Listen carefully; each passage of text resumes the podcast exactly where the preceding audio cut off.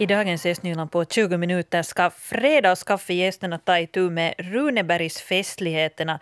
Varför får Kalevaladagen en kvällsfest men inte Runebergsdagen? Det ska också handla om Akilles som nu har nått semifinalen i bandyligan. Vi får höra vad fansen tänker. Och så har vi talat med isforskare Patrik Eriksson om hur det ser ut på havsisarna. Det ska också handla om Sibbo som flyttar från sockengården. Jag heter Helena von Aftan, välkommen med.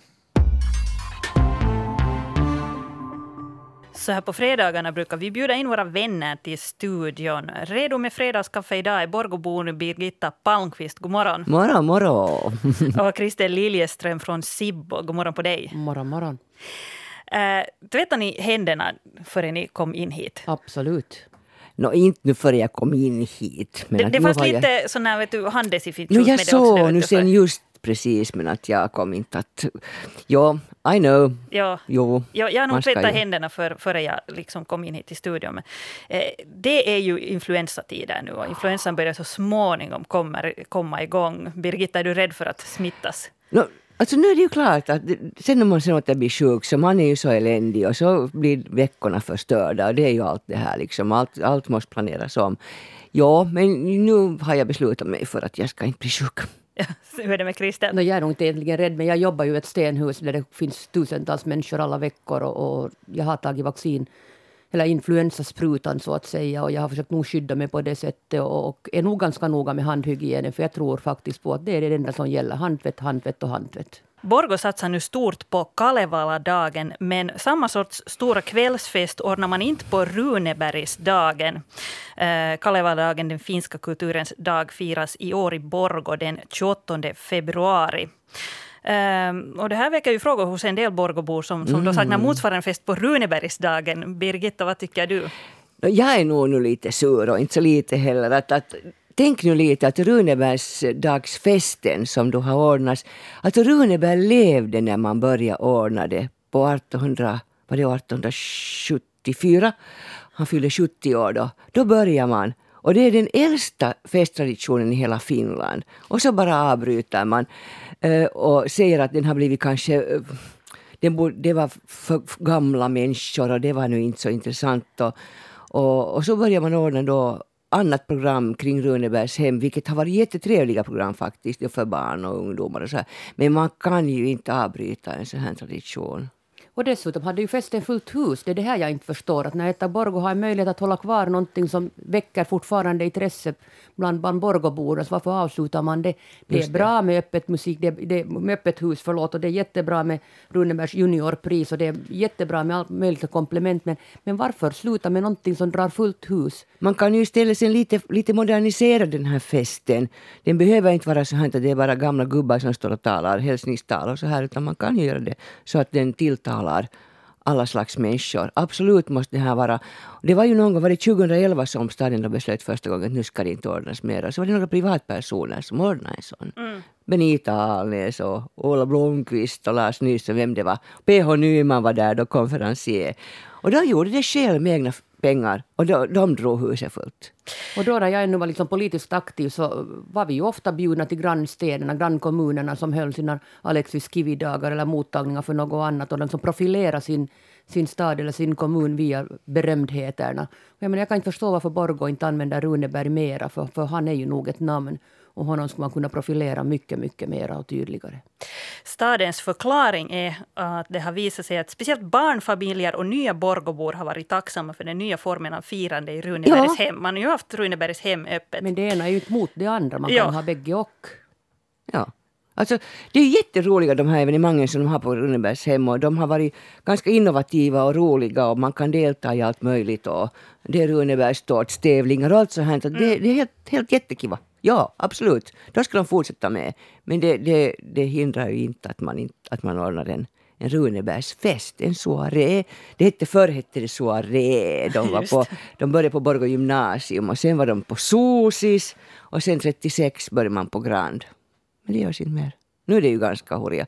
Runeberg är i alla fall liksom den personen som profilerar Borgå.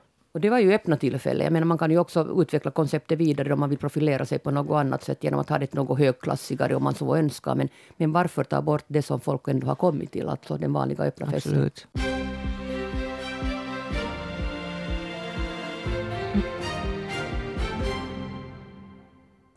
Klockan är halv nio och det blir nyheter från Östnyland. Jag heter Mira Bäck. God morgon. Transporttjänsten Byaskjutsens trafikeringsområde i Lovisa har vuxit. Nu trafikerar skjutsen från Liljendal, Forsby, Gammelbyområde till Pärna kyrkoby, Hopom, Haddom, Kuggom och Lovisa centrum. Den som beställer färden bestämmer var den börjar och slutar och färden sammanlänkas med färder som andra gör i samma riktning. Försöket med byaskjutsen fortsätter i Lovisa och i Borgå under våren. Försöket är en del av ett utvecklingsprojekt för regionala mobilitetstjänster som leds av Sitra. Borgå stad säljer inte Teaterhuset i Finnby till den intresserade köparen Harry Kokkomäki. Det skrev Östnyland i onsdags. Staden ska sälja huset och begär 180 000 euro för det. Kokkomäki kan inte tänka sig att betala mer än 103 000 euro. Teaterhuset används av Teateri Soittorasia. Kokkomäki ville köpa huset för att trygga Soittorasias fortsättning. Han skulle ha förbundit sig till att hyra ut lokalerna till, teatergruppen för tio år framåt. Nu verkar det som om teatern Soittorasia inte har någon annan möjlighet än att flytta ut ur teaterhuset i Finnby när deras kontrakt tar slut vid årsskiftet. Och Sibos förnyade byggnadsordning träder i kraft den 1 mars. Tanken bakom förnyande är att underlätta föreskrifterna som styr byggande och befria en del åtgärder från tillståndsplikt. Det blir till exempel tillåtet att bygga solpaneler och solfångare förutom i skyddade byggnader och på skyddade områden. Dessutom har minimiarealen för en byggplats utanför detaljplaneområden sänkts. Det går att bekanta sig närmare med byggnadsordningen på Sibo kommuns webbplats. Och Pyttis kommun har kraftigt lyckats förbättra sin synlighet med hjälp av sociala medier. Det visar den senaste månadsrapporten från verktyget Underhood. Kommunen har närmare 1700 följare på Facebook. En av kommunens populärare uppdateringar på Facebook under januari var ett bildreportage från kyrkobyn och valet av den mest positiva Pyttisbon. Månadsrapporten visar också att kommunen använder rätt utformning och språk för att nå följare. På en skala 1 till 10 landar Pyttis på en 9 i senaste uppdatering.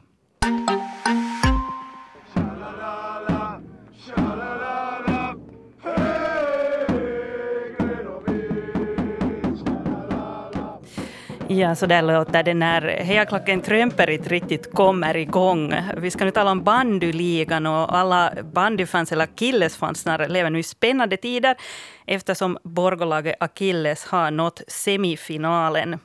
Eh, jag har med mig i studion eh, Sebastian och Kristoffer Smed som leder Akilles fanclub och hejaklack Trömperit. God morgon på er. God morgon. Ja. Um, den här semifinalen inleddes då i förrgår. Då förlorade Akilles mot Veitera i Vilmanstrand. 6-3 gick det här eh, resultatet då till Veitera. Kristoffer, vad tyckte du om den här matchen? No, det var en oerhört jämn match och, och det där Akilles, Akilles höll, höll, riktigt bra med, höll riktigt bra med i, i Veiteras tempo och, och det där ledde ju, ledde ju matchen i vissa, vissa skeden och, och, och det där. Men att så lyckades nu Veitera göra flera mål sen till slut ändå, men att en riktigt bra match nu av, av Killes. Borgo och har då spelat mot Veitera i, i de här finalerna nu senaste åren. Jag kollade upp att här för två år sedan så, så spelade Killes mot äh, Veitera i finalen och förlorade och då blev det silver för Akilles. Och i fjol var man också i semifinal med Veitera och äh, då vann Veitera den semifinalomgången. Eh, Kristoffer, vad tror ni? Nu blir det tredje gången gilt. Kan ni klara en, en sån här finalrunda mot Veitera den här gången? No, klart, är ju, allt är ju möjligt och man hoppas ju på det bästa, men att det där... Något, något lätt blir det ju inte, vet det är ju ett jättestarkt lag och, och, och jättemånga många bra spelare. Att, Men att nu kommer det vara jämnt, jämnt nog alla matcher och så får vi se hur det går. Mm. Sebastian, hur ser du på Veitera? Nå, nu är de nu ligans bästa lag, skulle jag säga, sådär i, om man nu ser över hela säsongen gått, men att när Kille spelar som bäst så är de nu minst lika bra som Veitera, om inte till och med bättre, så att Mm. alla chanser finns. Klart det skulle vara viktigt att vinna den här första matchen där på bortaplan. Att det kräver nog vinst nu imorgon, annars blir det nog helt svårt. Då måste ju Akilles vinna tre matcher i rad. Så att, Ja. Ja. Men, men. Nu får alla chanser finns nog. Ja, ja. Kristoffer, vad skulle du säga att är Akilles eh, starka och svaga sidor? Nå starka sidan skulle jag säga att den här skridskoåkningen. Vi har många, många, som, många som kommer bra, med, bra upp med bollen med hård fart och, och det där. Och svagheter vet jag nu inte. Ja, det, det, det ska vi inte tala om kanske. Men att det där... Överlag, överlag så är det ju, ett, vi har ju ett bra lag. Ja, Att då spelet fungerar så, så är det ju nog är det ju nog ytterst svårt att, att vinna oss. eh, det här, eh, av de här spelarna så har visst Sami Lakonen haft en del problem med sitt knä och varit borta från matcher. Hur har det påverkat? Nå, inte. De har ju visste ju om när säsongen börjar att han kommer vara bort och kommer med efter årsskiftet tidigast. Och inte riktigt bra har det gått och klart att nu när han kom tillbaka så nu gav det ju en boost Ja, både på plan och på självförtroende och i omklädningsrummet. Han är ju en ledare både utanför och på plan så att ja. Vi talar alltså om eh, Akilles som är i semifinal i bandyligan. Jag har med mig i studion Sebastian Smeds och Kristoffer Smeds som leder Akilles fanclub och brukar stå i hejarklacken på matcherna. Eh, här nu i höstas så, så fick ju Akilles en ny spelare i Rolf Nappe Larsson som har spelat sju säsonger i Sverige. Eh, Kristoffer, eh, har du sett någon, någon skillnad i att han har kommit med? No, liksom, ja, inte vet jag kanske nu direkt spelet har ändrat så hemskt mycket, men att man, han, man, ser, man ser ju att han är ju en jättebra, en jättebra bandyspelare och, och kan sin sak och nu har det ju, nu har det ju hjälpt, hjälpt laget, laget mycket. Och, så att det där, det var nog en bra förstärkning. Eh, det är senast 1985 visst, som, som Akilles då har fått guld i, i bandyligan. Eh, vad kommer ni som nu står i hejaklacken att göra för att få dem motiverade till att verkligen komma till final och vinna? Nå, det som vi är bäst på, ha ljud och sjunga och stödja dem. Mm. Riktigt. Ja, att vi gör allt på sidan av plan och så hoppas vi att de gör allt på plan. Tack. Tack.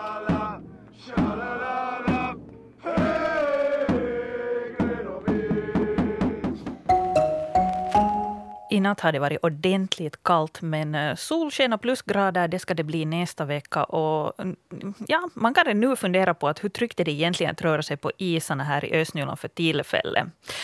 Eh, just på havet har ju isarna inte varit riktigt bra den här vintern och sjöbevakningen har förra veckan kollat isläget och märkt stora skillnader i hur tjock isen är på Finska viken.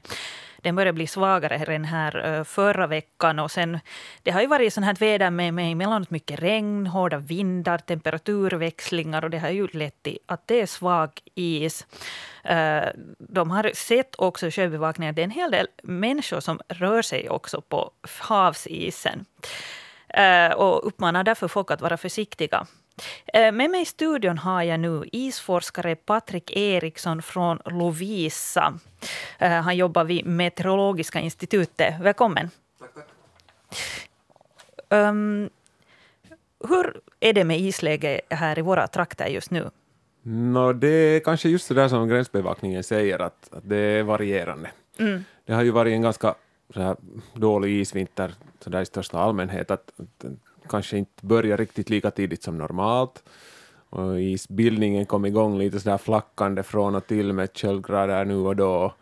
Och, det där, eh, och, och de första isarna bildades kom ju sådär lite i vågor, att innersta skärgården förstås, förstås får sitt istäcke först och, och så vidare. Och, och, det här, eh, och nu de senaste veckorna, eller de senaste, ja, senaste två veckorna egentligen, så har ännu vindarna blåst ut isen från skärgården. Så att, så att det har varit stora, stora sådana, sådana skeden i, under hela vintern. Att det har inte, det har inte varit, fått växa sig riktigt så jämnt och lugnt, det där istäcket. Och, och så har det kommit redigt med snö ovanpå ännu till emellanåt och det försvagar ju, eller inte försvagar det isen, men, men, men hindrar och, och gör tillväxten långsammare. Ja, den växer till långsammare när det är mycket snö på alltså. Ja, alltså lägger du riktigt fluffig torr snö ovanpå så det, det isolerar ju som bergull det och, och, det där leder ju till att isen inte, inte kommer åt att växa sig tjockare, så åtminstone lika snabbt. Ja. Eh, vågar man röra sig på isarna? Om man, om man rör sig på rätt ställe så vågar man ju nog röra sig. Att, att de isarna som nu ligger i innerskärgården, som vindarna inte nu under de senaste dagarna har, har kommit åt att riva, riva loss, så de är nog överlag över 10 centimeter tjocka, så mellan 10 och 20 centimeter. Uh, och längre österut kan det vara till och med upp till 30 centimeter beroende på var man är och, och hurdant, hurdant det där snötäcket har varit under de senaste veckorna. Men, men precis som sjöbevakningen säger så finns det ändå till och med i innerskärgården uh, sådana strömställen, strömmaställen där det kan vara riktigt tunt. Ja, det är ju faktiskt så att om man, det är ju alltid så att när man rör sig på, på isarna på havet så måste man ha någon slags lokal kännedom. Det är ju ja. bra om man frågar skärgårdsborna att, att var är det de här strömmaställena. Eh, vilka områden säger du att, att man bör undvika? Jo, det finns ju sådana tumregler att, att känner man inte till Eh, uh, lokalförhållandena tillräckligt bra så, så är, det, är det ganska tryggt, eller tryggt ska vi inte säga, men att, ganska bra att följa de här tumreglerna, det vill säga uh, smala sund är alltid sådana där, där, uh, där det kan vara strömt, uh, och också på större fjärdar finns det, finns det sådana här grynnor, grund, över vilka vattnet måste, eh, måste strömma lite fortare och det leder till att, att den där strömmen där precis under isytan är, är lite starkare och då, och då kan det till och med lite äta på, på isens tjocklek där. Uh, vad allt kan då inverka på hur fort isarna blir svaga, om vi nu tänker på det här vädret det har varit nu med, med lite regn och emellanåt jättemycket snö och allt, allt möjligt? Jo, det är många faktorer. Alltså, um, förstås, den allmänna lufttemperaturen är ju, är ju en sån drivande faktor. Att, att, eh, så länge det är kring noll och, och plusgrader så åtminstone växer ju inte isen då. Och, och, det där. och på en del ställen kommer det då till och med åt att, att bli tunnare på grund av strömmarna. Um, men eh, nu den här, den här årstiden är kanske typisk här i södra Finland åtminstone då, då strålningsmängden ökar. Alltså sol, inte ens direkt, den direkta solstrålningen utan strålningsförhållandena överhuvudtaget. Så under en klar dag så kommer, kommer solljuset och, och ljuset överhuvudtaget åt att tränga sig in i isen och det börjar så småningom eh, göra, göra isen mjukare och, och, och under mars, början av mars senast så börjar isarna ruttna. Ja, Precis. Och jag kollar på den här kartan som finns på nätet, så tydligen är det öppet vatten där ute i, i Finska viken, att det är bara den här inre skärgården som har is just nu. Ja, det stämmer faktiskt. Den här vintern har vi, hade, liksom helt på öppna havet hade inte varit is uh, på, på västra sidan om, om Hogland, och det, det är kanske ganska ovanligt. Uh, eller, eller så börjar det vara kanske sådana här typiska vintrar uh, i, våra, i, de, i de här nuvarande klimatförhållandena. Tack Patrik I. Eriksson, uh, isforskare från Lovisa som jobbar vid Meteorologiska institutet. Du ska ta dig vidare till jobbet nu, inte sant? Jo, jag ska faktiskt ut på isen här nu med, med ett annat redaktörsteam. Så att, ah, ja, du ska ja, ännu ja. ut på isarna. ja, Hoppas du har med dig alla grejer man ska ha. Man ska väl ha lite ispikar och sånt Man ska ha isdubbar runt halsen och, och det där och, och sen gärna annan utrustning också. Sibbo kommun tänker flytta bort från Sockengården. Kommunen ska hyra nya lokaler av Livall och flytta till Mårtensby. Vi har ringt upp kommundirektör Mikael Grannans för att fråga varför de lämnar Sockengården. det finns egentligen flera orsaker. En orsak så har nog att göra väl med det att det där huset så är äldsta delen byggt på 50-talet och, och sen har det sakteliga utvidgats där på 70-talet. Att den inte riktigt motsvarar det där hur, hur det där dagens kontorsarbete utförs. Och en annan orsak så, så är egentligen centrumtätande av Nickby. det är ju på, så att säga på paradplats och, och i dagens läge så kommer ju inte kommuninvånare i en stor ström in och ut ur, ur, ur kommunens förvaltningsbyggnad utan det där, det servicen så, så ofta ges liksom på annat håll. Vad ska då hända med själva sockengården? No, vi kommer att omplanera den, den, den markområden dit och den kommer att rivas i något skede och byggas något nytt. Det säger Mikael Grannas kommundirektör i Sibbo, Mikael Kokkola intervjua. Och tanken är alltså att man skulle riva sockengården och att man ska bygga bostäder och butiker på den platsen. Östnyland på 20 minuter är en Svenska Yle podcast. Jag heter Helena von Alftan.